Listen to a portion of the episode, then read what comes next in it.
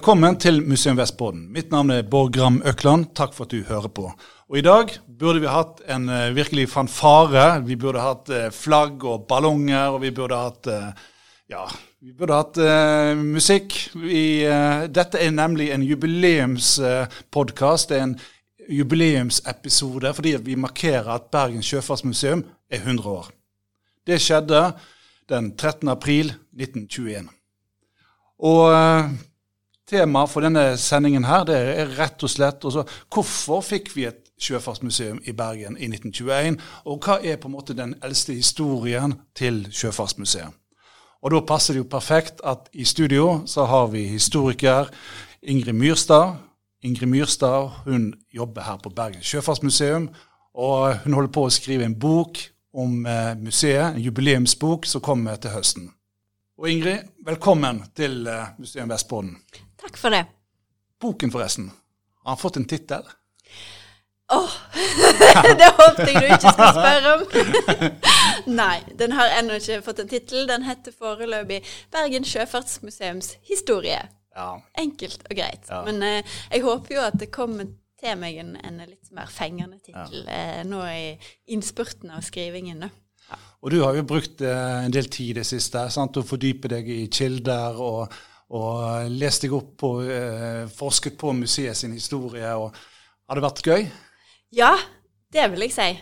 Som vanlig når man skal ta for seg 100 år, så er det jo mer enn nok å ta av. Eh, og det er vel hovedproblemet, å klare å begrense seg og velge ut hva som faktisk skal få komme med i boka. Men jeg syns eh, det er første gang jeg skriver museumshistorie. Jeg har jo vært borti sjøfartshistorie en del før, men aldri museumshistorie. Og det er det er jo et stort felt.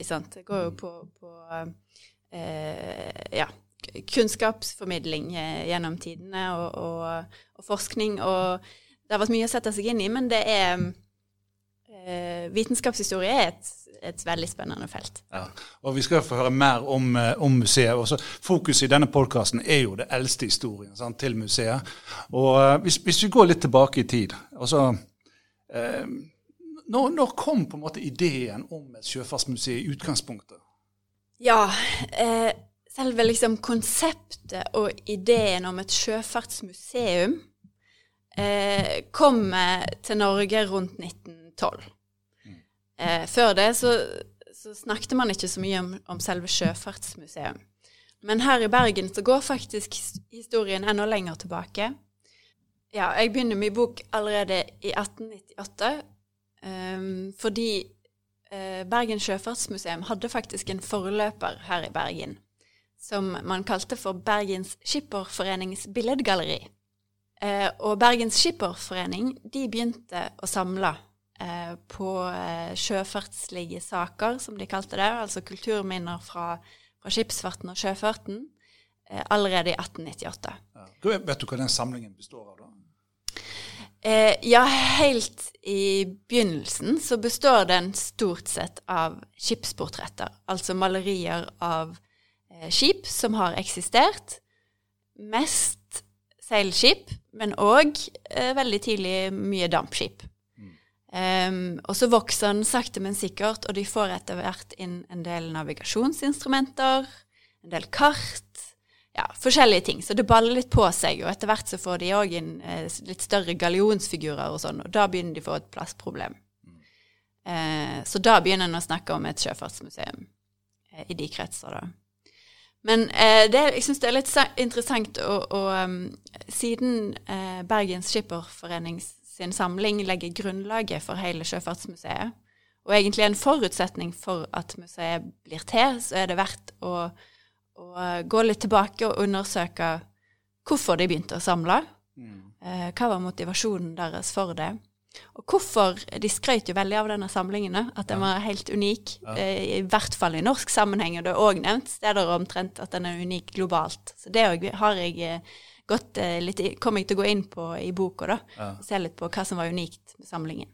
Har, har du òg funnet kilde på hvorfor Skipperforeningen begynte å samle? Ja, det begynte eh, i 1898, som sagt. Eh, og det året var jo et spesielt år i bergenshistorie.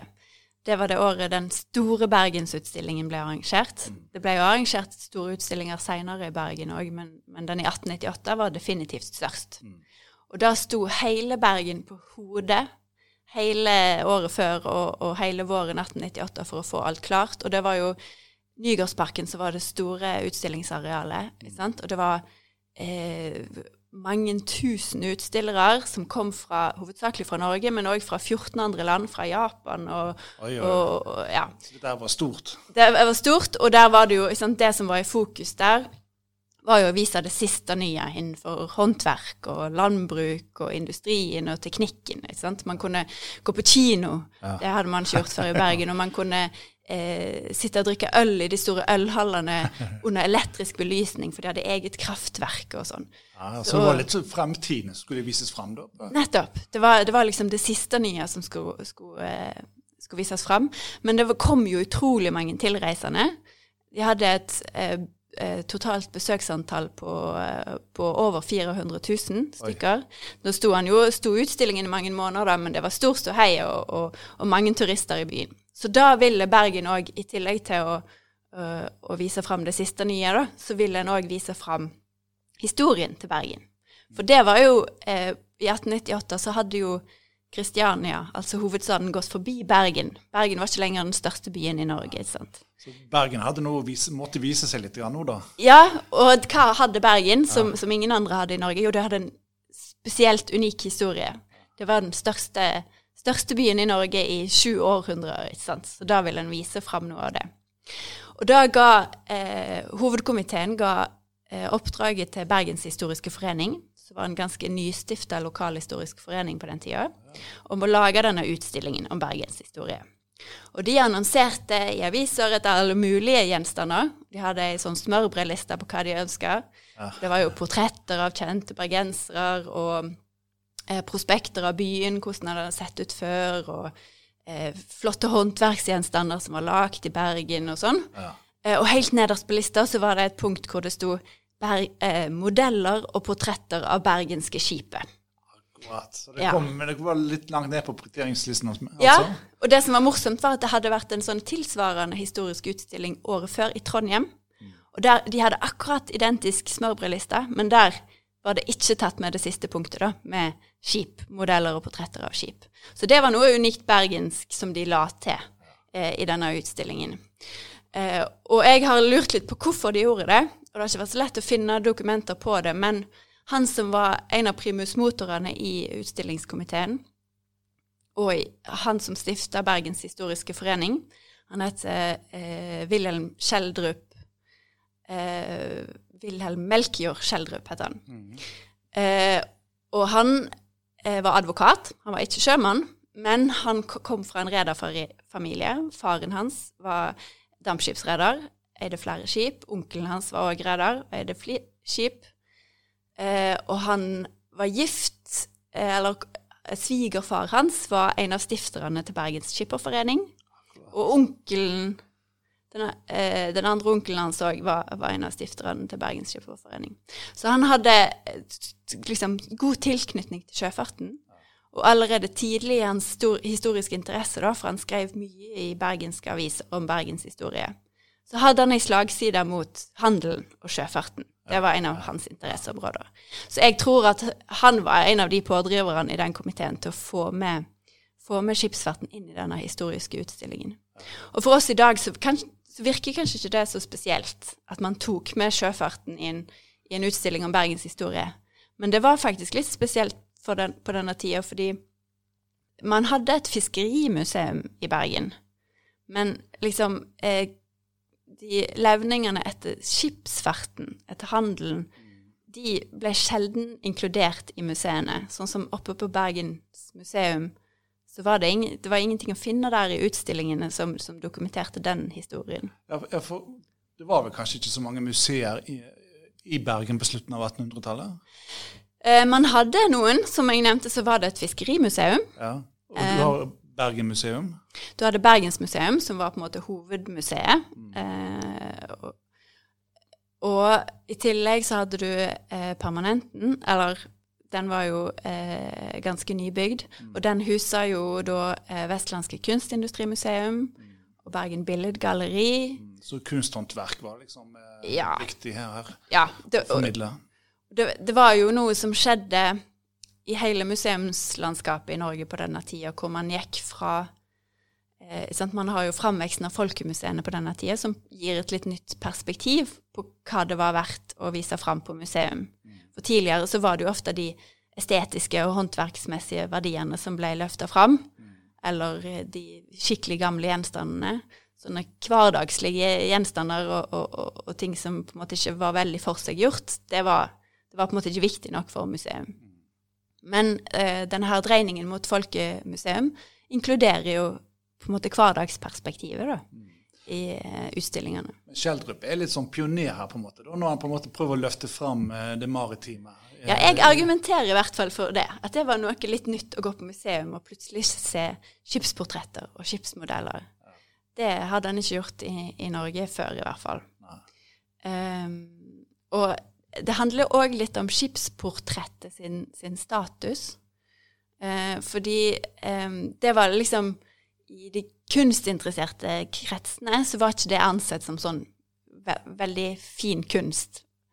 Um, det var jo litt sånn dusinkunst som ble malt opp uh, ofte fort. Og uh, de, de som malte det, de jo, tok jo oppdragene når uh, skipene var i havn. Altså Det er en slags suvenir, på en måte, egentlig? da, eller? Ja, og det var veldig viktig at det skulle være nøyaktig arbeid. At alt skulle stemme sant, på riggen og alle detaljene på skipene. Men det var ikke så viktig liksom de estetiske verdiene. Bakgrunnen var ofte ferdigmalt fra før. ikke sant? Og så var det, var det å dokumentere skipet som var det viktigste. Ja. ja, for Hvis du går på et kunstmuseum, Kode f.eks., så ser du ikke den type malerier. Altså, Nei. altså, du ser maritime landskapsmalerier, men, men, men ikke skutemalerier, da. Nei. Nei, de var litt sånn sett ned på i, i, i, i de kretsene, da, kan en si. Men blant handelsborgerskapet i Bergen, så var det jo nettopp de som ble verdsatt. Det var jo gamle far si skute som hang på veggen i bestastua. Og det var jo eh, for det første en anledning til å liksom mimre om historien. Hvordan det var når man var til sjøs, eller når eh, bestefar eller far var til sjøs. Eh, men det var òg et statussymbol. Det viste på en måte at man hadde skippere eller redere i familien. Det var stort sett de som hadde råd til, til å bestille et eh, skikkelig skipsportrett. Så blant handelsborgerskapet så satte man stor pris på det, og nettopp fordi de var så nøyaktige og godt utført, at det var skikkelig håndverk. Så her skal, på denne utstillingen så er det da for å illustrere på en måte byens maritime historie. Ja.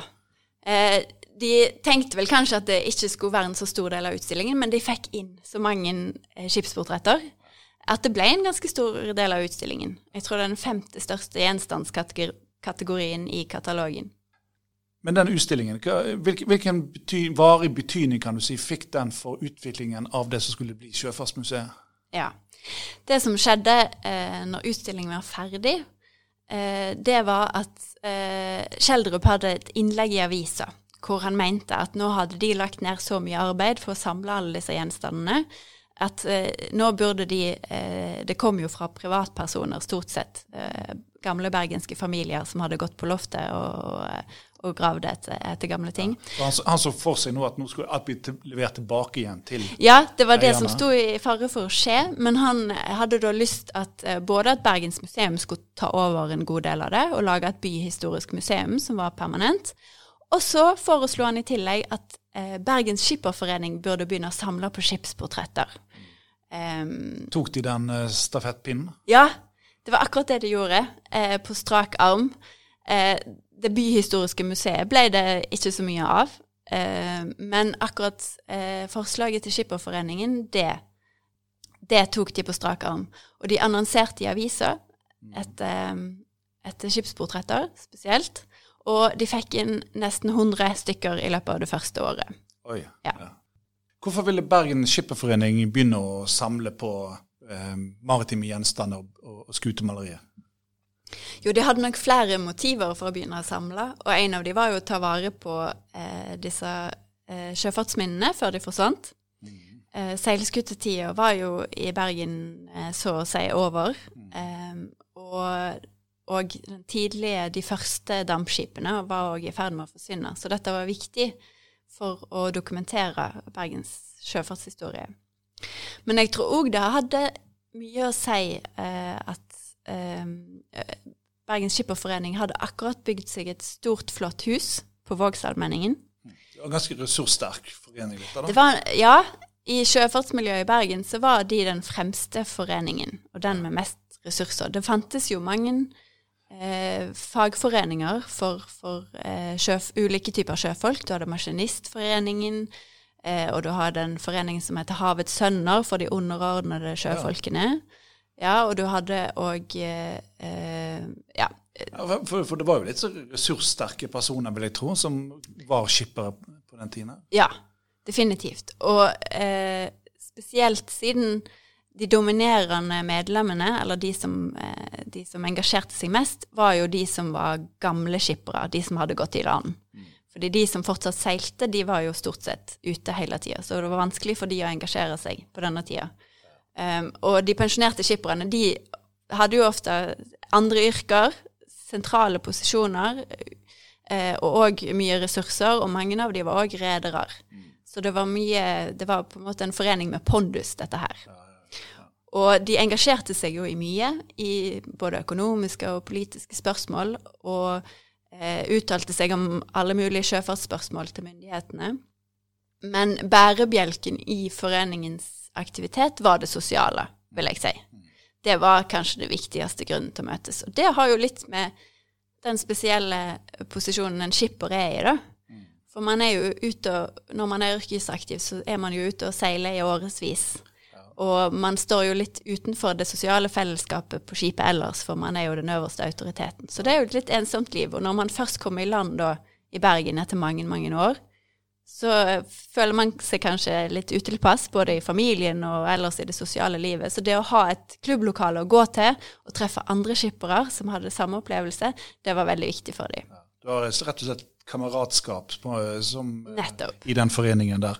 Ja. Og de bygger opp en ganske stor samling. Det må jo være litt begrensa hvor mange som kan se denne, denne samlingen. Og nå begynner man på en måte å tenke at egentlig så burde vi jo vise dette her fram. Ja, ja, for det som skjer da, er at eh, når de begynner å samle, så har Skipperforeningen akkurat bygd et nytt stort hus, og de har store, nye lokaler.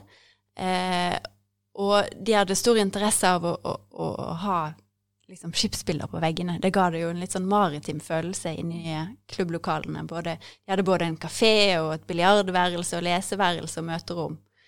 Um, men det var jo stort sett medlemmene som frekventerte disse lokalene. Det var ganske strenge regler på hvem som fikk komme inn. og du, de, de, fikk ha med seg gjester, eh, men det var, var, ikke sånn at menigmann kunne komme inn for å ta seg en kikk på, på Skipperforeningens billedgalleri. Mm.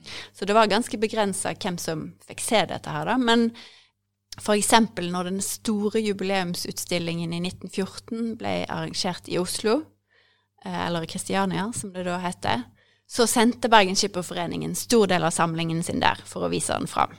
Så de gjorde det, det, var Og da fikk de mye skryt for det. Da var jeg veldig stolte av at de hadde den fineste samlingen i landet. Ja. Eh, men de var òg litt eh, Det ble litt trøbbel der, da, fordi eh, egentlig så hadde man tenkt å, å, lage en sammenhengende vegg om hele den norske sjøfartshistorien, ikke sant, kronologisk. Mens Bergens Skipperforening insisterte på at deres bilder skulle utstilles for seg sjøl. Så det ble en todelt utstilling, og kronologien begynte liksom på nytt midt på veggen omtrent når Bergens Skipperforenings samling kom. Så det var de ikke så fornøyd med i Oslo, disse her bergenserne som, som ikke ville inkluderes i det store bildet. Men uh, det var litt tyving her, da, mellom uh, Oslo og Bergen, kanskje? Ja, ja, ja, som det alltid har vært. uh, og spesielt òg liksom rivaliseringen mellom de ulike sjøfartsmiljøene, da. For, for å gå tilbake til spørsmålet litt, når begynte de å tenke på at dette burde utstilles for offentligheten, og det burde bli et museum? Og det kommer omtrent på den tida. I 1912 så blir eh, en idé løfta fram i Oslo eh, om at eh, det burde komme et nasjonalt sjøfartsmuseum i Norge.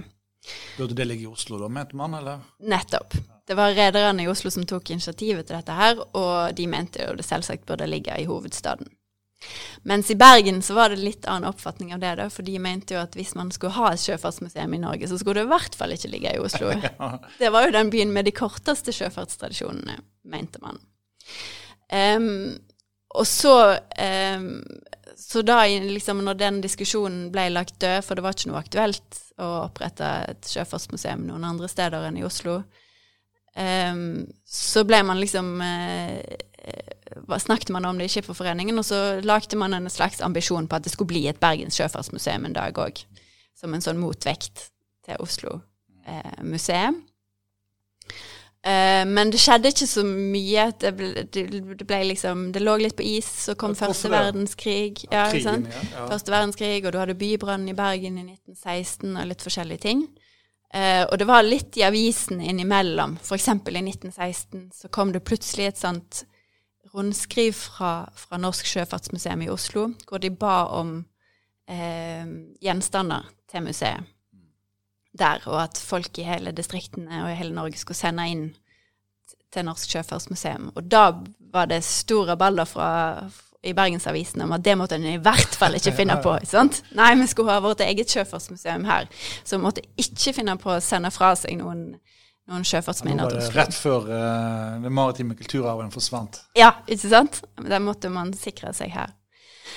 Eh, men det som ble den utløsende faktoren for at man faktisk begynte å jobbe målrettet mot et sjøfartsmuseum i Bergen, det var nyheten om at Stavanger museum plutselig hadde fått for seg at de skulle ha et sjøfartsmuseum òg. Dette blir bare enda verre. ja, det var liksom én ting å bli slått av hovedstaden. Det var man jo begynt å bli vant med i Bergen. Men å bli slått av Stavanger, det gikk ikke.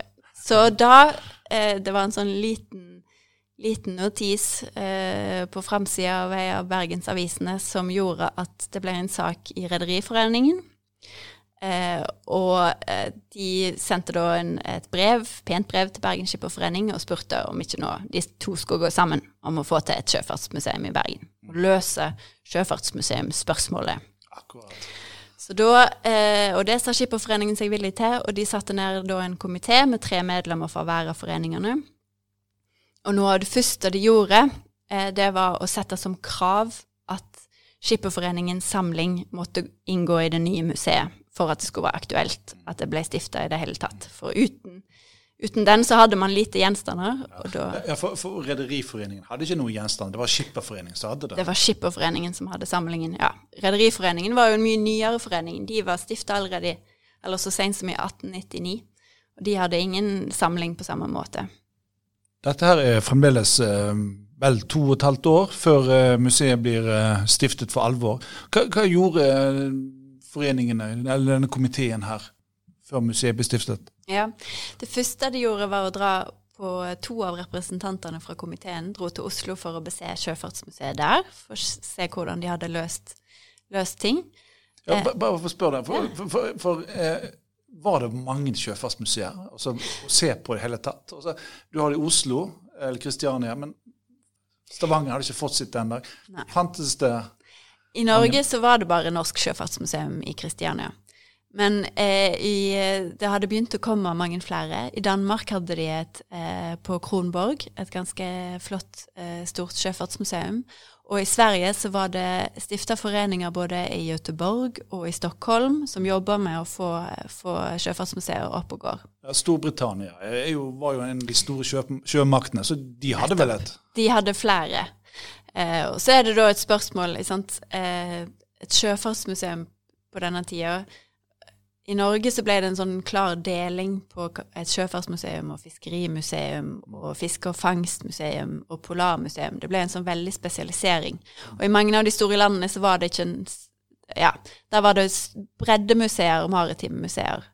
Og mange av de var basert på gamle modellsamlinger som var knytta til det militære. Eh, så det var hovedsakelig militære fartøyer, og så fikk en etter hvert òg en del av handelsflåten inn i disse samlingene. Og så ble det eh, spesialisert litt rundt omkring. Men det var de gamle sjøfartsnasjonene som var tidligst ute. Og de eldste samlingene går jo tilbake til 1700-tallet, både i Russland og i Spania og i Akkurat. Storbritannia. Ja.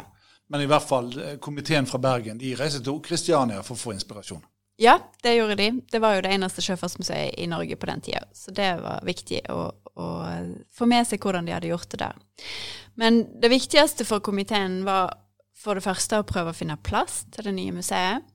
Og de tok tidlig kontakt med Bergens museum, for de hadde store planer om å bygge et eh, nytt bygg for de historiske antikvariske samlingene. Så det var første, første instans der. Men komiteen brukte jo de nærmeste 20 årene på å prøve å finne et egnet lokale til, til, museet. Så det var ikke en lett oppgave, og de vurderte sammenlagt uh, veldig mange ulike lokasjoner for museet. Den andre store oppgaven var jo å skaffe penger. Og sånn sett så var timingen eh, veldig god. Fordi i 1918 og 1919 så var det eh, fortsatt eh, man, Næringen levde godt på, på eh, oppgangen man hadde hatt under første verdenskrig. Eh, og man fikk òg en slags etterkrigsboom som varte eh, til juni 1920. Så det var mye penger å ta av i næringen på den tida. Og man sendte rett og slett ut en forespørsel til alle bergenske rederier om at de på generalforsamlingen sin eh, i 1919 satte av en, en, viss sum av overskuddet til museet. Var det noen respons på det? Ja, det, de aller fleste endte opp med å gi. Ikke alle i første omgang, men komiteen purra helt til de fikk fra så å si alle rederiene. ja. De satte seg et, som et mål at de skulle samle inn 100 000 kroner, og når de hadde eh, fått det inn, da skulle de stifte foreningen Bergen Sjøfartsmuseum. Men eh, man trengte òg gjenstander, og noe av det viktigste komiteen gjorde i disse årene før museet ble stifta, var å arrangere en slags testutstilling. De ville sjekke litt ut eh, både interessen fra publikum i Bergen. Var det var de i det hele tatt interessert i å gå på Sjøfartsmuseum. Hvor var den testutstillingen skulle være? da? Den ble arrangert i kjelleren i Permanenten. Ah, ja. eh, og eh, de samla inn eh, De annonserte vidt og bredt etter gjenstander, og de fikk inn veldig mye. Det var ikke sånn at alt som ble utstilt der, ble donert til museet. Langt ifra. Ok, Så folk lånte ut til utstillingen? Ja, masse privatpersoner lånte ut alt mulig. Og det ble en eh, kjempesuksess. Det ble stor medieoppmerksomhet i hele alle landets aviser om, om sjøfartsutstillingen i Bergen. Men, men hvem det som på en måte kurerer, altså, laget utstillingen? Var, var det skipperne sjøl, eller hvem? Ja, Da kommer vi tilbake til eh, eh, han eh, Wilhelm Melkjord Schjelderup, som vi snakket litt om tidligere. Eh, han ble hyrt inn av komiteen til å lage denne utstillingen. Fordi i komiteen så satt det jo bare skippere og redere, og de ikke, ingen av de hadde lagt utstilling før. Eh, men det hadde jo Schjelderup gjort, og han var jo historisk interessert og kunne mye om Bergen sjøfartshistorie. Så han fikk denne oppgaven. Eh, og der la han ned mye tid, og de lagde en svær katalog. Eh, og han dokumenterte veldig mye av historien til gjenstandene i prosessen. Så det var en kjempesuksess. Så når den var Den ble avholdt 19, på slutten av 1920. Så når den var over, så bestemte man seg. Da hadde man nok penger, og man hadde eh, fått stadfesta at interesse, det var en stor interesse blant bergenserne. Og i tillegg så var det, det fantes nok gjenstander til å lage et skikkelig museum. Så da var det bare til å, til å stifte foreningen. Og da uh, samlet uh, Var det 15 menn? Ja, de annonserte i avisa vidt og bredt om at um, alle kunne komme på stiftelsesmøte, men det var 15 stykker som møtte opp da. Ja. Det var stort sett representanter fra Skipperforeningen og Rederiforeningen som kom. Hvor var det dette stiftelsesmøtet skjedde? Eh, de samla seg på eh, Bergens Børs på Vågsallmenningen, rom nummer sju, klokka seks på ettermiddagen onsdag den 13. april 1921. Og hvordan ble dette mottatt i, i offentligheten, i media og avisene, at eh, nå hadde Bergen fått sitt sjøfartsmuseum? Jo, i bypressen så var det stor begeistring. Endelig hadde en fått eh, Sjøfartsmuseum i Bergen. Og en undrer seg jo bare over hvorfor det ikke hadde skjedd mye tidligere. Eh, hvis det var noen steder i verden et sjøfartsmuseum hørte hjemme, så var det i, var det i Bergen. Og i, spesielt i Bergens Tidende så var det eh, svulstige formuleringer om at eh, dette var noe alle bergensere var interessert i, og alle samfunnslag kom til å, eh, kom til å være med på dette og støtte opp om det nye museet. Og det var, fantes ingen i hele verden som var mer interessert i sjøfarten og skipsfarten enn bergenserne. Så dette var virkelig på sin plass. Det var i hvert fall meningen eh, i media eh, om, eh, om liksom den jevne bergenser i det hele tatt lot seg bemerke om at det nå skulle komme sjøfartsmuseum. Det er vanskeligere å, å si. Um, ja, fordi at uh, Selv om du hadde en formell stiftelse uh, for 100 år siden, så tok det vel litt tid før på en måte bergenserne og publikum kunne se alle disse tingene? Ja. Uh, på, både pga. Uh, at det var vanskelig å, å, få seg et lokale. Det var jo Etter bybrannen i 1916 så var det, det prega fortsatt bybildet, og det var, det var ikke så mye ledige lokaler å få tak i. Og denne her avtalen en hadde med Bergens museum om å få innpass i det nye bygget, den, den hadde de i, i, i, boks ganske tidlig. Men det tok jo så lang tid å få reist dette bygget. Når var det ferdig? Det sto ferdig i 1927. Og uh, da var det faktisk Bergens sjøfartsmuseum det første som flytta inn. De åpna før resten av museet åpna sine samlinger. Eh, så det tok altså da seks år fra stiftelsen og frem til museet åpna dørene i 1927. Og når eh, publikummet endelig da kunne gå inn i et museum, og hva kunne de se? Hva var utstilt? Hva, hva historie ble fortalt? Eh, det første som møtte de eh, ut forbi inngangsdøra Bergen sjøfartsmuseum holdt da til i fjerde etasje i, i, i det nye bygget til Bergensmuseum. Og utenfor døra så var det utstilt to store gallionsfigurer, én på hver side av døra, fra, fra noen gamle norske seilskip. Så det var liksom det første som møtte Der stemningen ja, gang. Ja. Der var det noe maritimt. Eh, og det andre som møtte deg, det var trolig en av vaktene. Eh, og det var gamle, pensjonerte kapteiner i full uniform oi, oi. Eh, som sto eh, og, og eh, de skulle gi autoritet. Her skulle du ikke finne på noe tull. Altså. Nei, det stemmer. Og de hadde jo òg mye kunnskap fra et langs langt yrkesliv til sjøs. Kunne de være det å si omvisere, på en måte? Kunne de fortelle? Det skulle en tro at de sikkert fikk en del spørsmål, og sikkert fortalte en del om den delen av samlingen de ja. kjente til. Og Hvis du går videre innover på en måte i lokalet, hva vil du se da? Eh, først så kom du til et sånt litt mindre forværelse. Eh, og der var juvelen i det rommet, det var eh, den flotte eh, modellen av Osebergskipet, som vi fortsatt har i utstillingen vår i dag rett inn i Viking. Men det er litt fascinerende da, at du på en måte trekker Du kobler på en måte sjøfarten til en nasjonal fortelling. Altså det er, eh, det er dyp, dyp, historie her. Ja, ja. Og det var jo eh, det, var, det, var, på en måte noe av hovedformålet eh med disse sjøfartsmuseene, var nettopp å ta den moderne skipsfartsnæringen og så trekke eh, koble den på den lange tradisjonen så helt tilbake til vikingtida og bronsealderen i Norge. Vil, du si at Sjøfartsmuseet er over på en måte med å legitimere på en måte eh, den maritime næringen? Definitivt. Og, bygge opp bildet av Norge som en skipsfartsnasjon. Det var mye av eh, motivasjonen bak alle disse sjøfartsmuseene som, som, kom i mange av de store sjøfartsbyene i, Eh, spesielt i Norden og i Norge på denne tida. Norge var jo en av de aller største sjøfartsnasjonene i verden på denne tida. Næringen hadde all interesse av å, å eh, liksom bygge opp under bildet av Norge som en skipsfartsnasjon.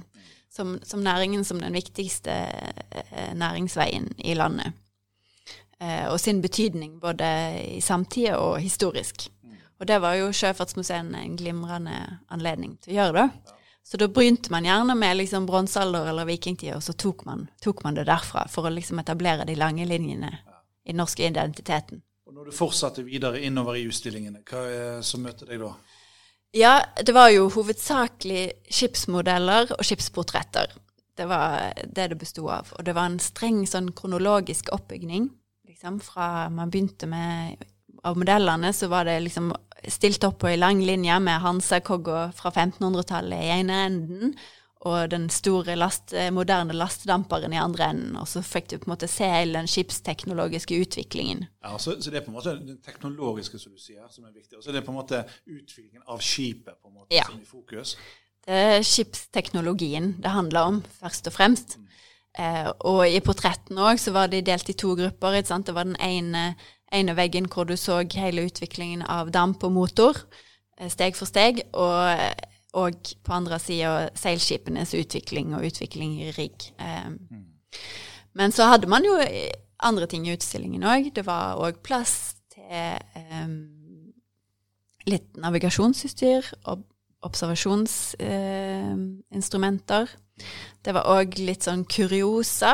Uh, forskjellig fra eh, som fortalte om hverdagen under første verdenskrig. og og krigsseilerne da. Det var òg litt polarhistorie om Amundsen sine ferder. Mm. Eh, og det var òg eh, sjømannsarbeider og en del eh, bergensk verftshistorie. Eh, har, du, har, du, noe inntrykk av at f.eks. sjøfolkene sjøl kom fram på en måte i utstillingene? Nei, det var jo det var mye gjenstander, så det var jo ikke eh, det, og sånn som man tenkte utstilling på den tida, så var det jo Det var ikke noe informasjon knytta til, til, gjenstandene. De var bare Så, så man hadde ikke teksting, sånn som du ser på museum Nei. i dag? altså? Men du kunne kjøpe en katalog.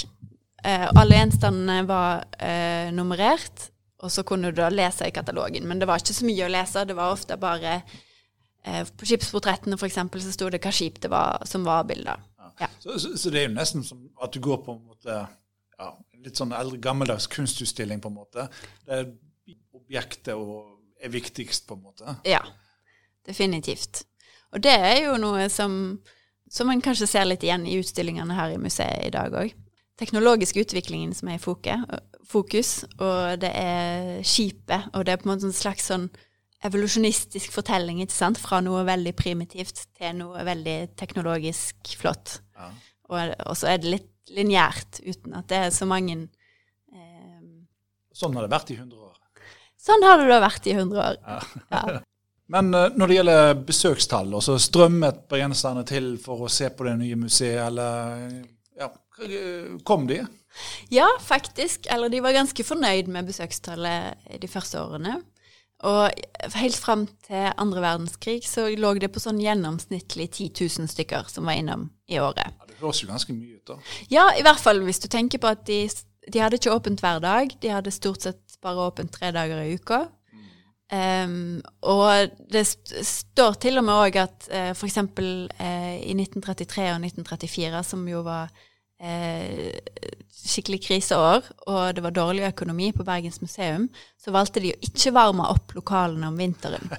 Sånn at det var iskaldt inne. Og da, da valgte Bergens museum å stenge sine utstillinger. Men det gjorde ikke Sjøfartsmuseet, og der kom folk likevel, selv om det var iskaldt inne. besøkstallet gikk ikke så mye ned. Uh, ja, det var et populært tiltak, og det henger jo kanskje sammen med eh, skipsfartsnæringens stilling i Bergen på denne tida. Hadde Bergen landets største flåte, eller var vi forbigått av Oslo på den tiden? På den tida så var vi forbigått av Oslo. Eh, men det var jo fortsatt en av de største, om ikke hovednæringsveien i byen. Mm. Og man hadde jo en ganske stor prosent av befolkningen som var sjøfolk. Ja, for Da har vi både sjøfolk, men du har jo òg eh, skipsbygging og underleverandører og alt dette. Nettopp. Så det må jo ha satt et stort preg på byen? Ja, og alle, om du ikke hadde en liksom, far eller en bror eller en sønn eller en datter som jobber på et skip eh, langt der ute, så var garantert en av de som jobba på kontoret til Rederidisponenten eller jobba på eh, en av verftene i byen, eh, eller hadde noe investert i et skip eller et rederi. Så det var, det var ikke langt mellom eh, bergenserne som hadde en liksom, personlig tilknytning til næringen. Den var veldig til stede i ja. hverdagen til alle. Og disse skipene her i 1921 også, de, de uh, faktisk ikke nødvendigvis bare til Norge. De var der ute på de syv hav? Ja, nettopp. Det er få av skipene som kommer til Bergen i det hele tatt på denne tida. De fleste er jo langt der ute. Mm. Eh, og de fleste sjøfolkene er ute i årevis i strekk. Du nevnte at uh, noen sjøfolk, eller iallfall tidligere pensjonerte sjøfolk, jobbet der oppe og var vakter på, på uh, det første museet der oppe. Men, men var det andre ansatte? Var det, hvordan var på en måte museet organisert, egentlig? Jo, det var jo det styret, da, som stort sett besto av representanter fra Skipperforeningen og Rederforeningen. Men de var ikke lønna, det var frivillig arbeid. Eh, men de hadde en ansatt sekretær, eh, som var eh, den ilandgåtte skipperen Adolf Ragnvald Brekkhus som senere òg ble museets bestyrer. Og han var på mange måter primus motor i var, hele prosjektet. Var han en slags første direktør, kan du si? Det kan du si, selv om han ikke hadde den tittelen på den tida. Og han var, ikke, han var, ikke, ansatt på full dag, det var en deltidsstilling, men han la ned eh, alt han hadde i dette her. Og han brukte feriene sine på å dra til sjøfartsmuseer rundt om i hele Europa oi, oi. for å utdanne seg sjøl innenfor faget. Og han var jo ikke noen historiker, så han brukte òg mye tid på, på, det å lære seg eh, med kildearbeid og, og, eh, og, lese seg opp på, på, sjøfartshistorie, for han var veldig opptatt av at det skulle ikke være noe dilettantarbeid. Det skulle være skikkelig og profesjonelt. Han tok det seriøst. Og, men, men drev han, eller drev museet noe forskning, eller hvordan drev de utad, på en måte? Også for, utenom utstillingene, da? Jo, de var ganske tidlig ute med å, å, å eh, satse på eh, det en kan kalle for en slags forskning. Eh, og allerede før museet åpnet, så hadde de f.eks. gitt ut eh, sin, første, sin, første, bok, som, som Brekkhus skrev, om den gamle, gamle emigrasjonsfarten. Hvor han tok for seg alt fra restaurasjonen til Stavangerfjord, så det var et langt tidsspenn. Og i tillegg eh, så valgte en, når en åpna museet i 1927, å begynne å gi ut et årshefte som inneholdt årsmelding, men hovedsakelig òg artikler om ulike temaer. Eh, og det årsheftet ble jo etter hvert til Sjøfartshistorisk årbok. Mm, som finnes eh, fremdeles i dag. Ja. Og man hadde et veldig eh, Noe av det første prosjektet man òg begynte med, var å avfotografere alle skipsportrettene som fantes i byen. Ikke bare de som har kommet inn til museet, men alle de som fantes i privat eh, Så det var et dokumentasjonsprosjekt? Ja. ja. Og på denne tida så drev man jo og skrev på eh, norsk sjøfartshistorie, et kjempeverk. Eh, og eh, de fikk god bruk for bildene fra Bergen, og man var veldig opptatt av å katalogisere og organisere det skikkelig, sånn at det skulle være lett for de som var interessert i sjøfartshistorie, å komme til Bergen sjøfartsmuseum og, og bruke materialet der. Både bildesamlingen, men de hadde òg et veldig stort bibliotek eh, hvor de samla litteratur. Eh, så de var opptatt av å legge til rette for alle som forsker på sjøfartshistorie. Men samlingen av gjenstander vokste vel òg? Ja, den gjorde jo det. De var jo misfornøyde helt Allerede når museet åpna, så sa man å, det er altfor lite. Fordi man Allerede på den tida så fikk man ikke plass til å stille ut alle eh, hele samlingen. Mye måtte stå i magasiner. Og det ble jo bare verre og verre for hvert år, for man fortsatte å kjøpe inn nye gjenstander og få lagd nye modeller, og så fikk man jo òg veldig mye gaver. Så det ble jo bare eh, fullere og fullere i lokalet, og magasinene ble òg fulgt opp. Så man hadde ikke tenkt man skulle være på Bergens museum i mer enn fem år. Men det ble, det ble 35 år før man kom seg ut av bygget der. Og eh, når samlingene vokste så mye som de gjorde, at man ikke hadde plass, som du sier, og man måtte magasinere masse gjenstander, så eh, ønsket man seg vel et eget sjøfartsmuseum, et eget museumsbygg? Ja, det var det som ble konklusjonen. Man vurderte jo stadig ulike løsninger stiftsarkivet på, på klosteret og Permanenten og ja, mange plasser, men det var ingenting som var stort nok. Så allerede i 1931 så bestemte man seg for å begynne å spare til et byggefond. Man så for seg at var man måtte bygge et eget bygg for å få et skikkelig sjøfartsmuseum. Eh, og det ble jo forsterka i 1937, og så, eh, og så holdt de det gående. Og fortsatt tidlig i 50-årene så hadde en jo En fikk inn ganske mye penger, men det var jo langt fra nok til å bygge et museum. Så det var jo takket være en stor donasjon at en endelig fikk satt i gang byggingen og kunne flytte inn i 1962. Og det var jo Vestfold Larsen som sto bak den donasjonen? Ja, det stemmer. Og Vestfold Larsen var òg sentral i realiseringen av eh, Museumsforeningen i 1921, når den ble etablert. Eh, de var jo en av de største rederiene på den tida, og de sammen med Mowinckel står for de største donasjonene som muliggjorde etableringen av foreningen. Og det var òg representanter for, eh, for, de to rederiene representert i styret eh, til Sjøfartsmuseet helt fram til ja, for bare noen få år siden. Og i, sant, I 1962 så altså flyttet jo museet, Sjøfartsmuseet inn i det bygget som vi har i dag. Og der er det jo en annen spennende historie å følge. og Det handler om forskning, det handler om formidling, det handler om hvordan presentere sjøfartshistorien, og hva historier som skal fortelles. Og Dette her kommer vi tilbake til, for i jubileumsåret så blir det veldig mye museumshistorie. Det blir mye om eh, koble opp til eh, jubileet, selvfølgelig. Så det, det, det skal vi komme tilbake til. Men takk til deg, Ingrid Myrstad, historiker ved Bergens sjøfartsmuseum. Takk òg til deg som lytter på. Og har du lyst til å følge med på hva som skjer på museet i jubileumsåret, så følg oss gjerne på Facebook. Følg oss på nettsiden. Der ligger program som blir oppdatert. Vi håper også at du har lyst til å abonnere på Museum Vest-podden. Den finner du bl.a. på Spotify, og du finner den på Museumspodden. Inntil videre, på gjensyn.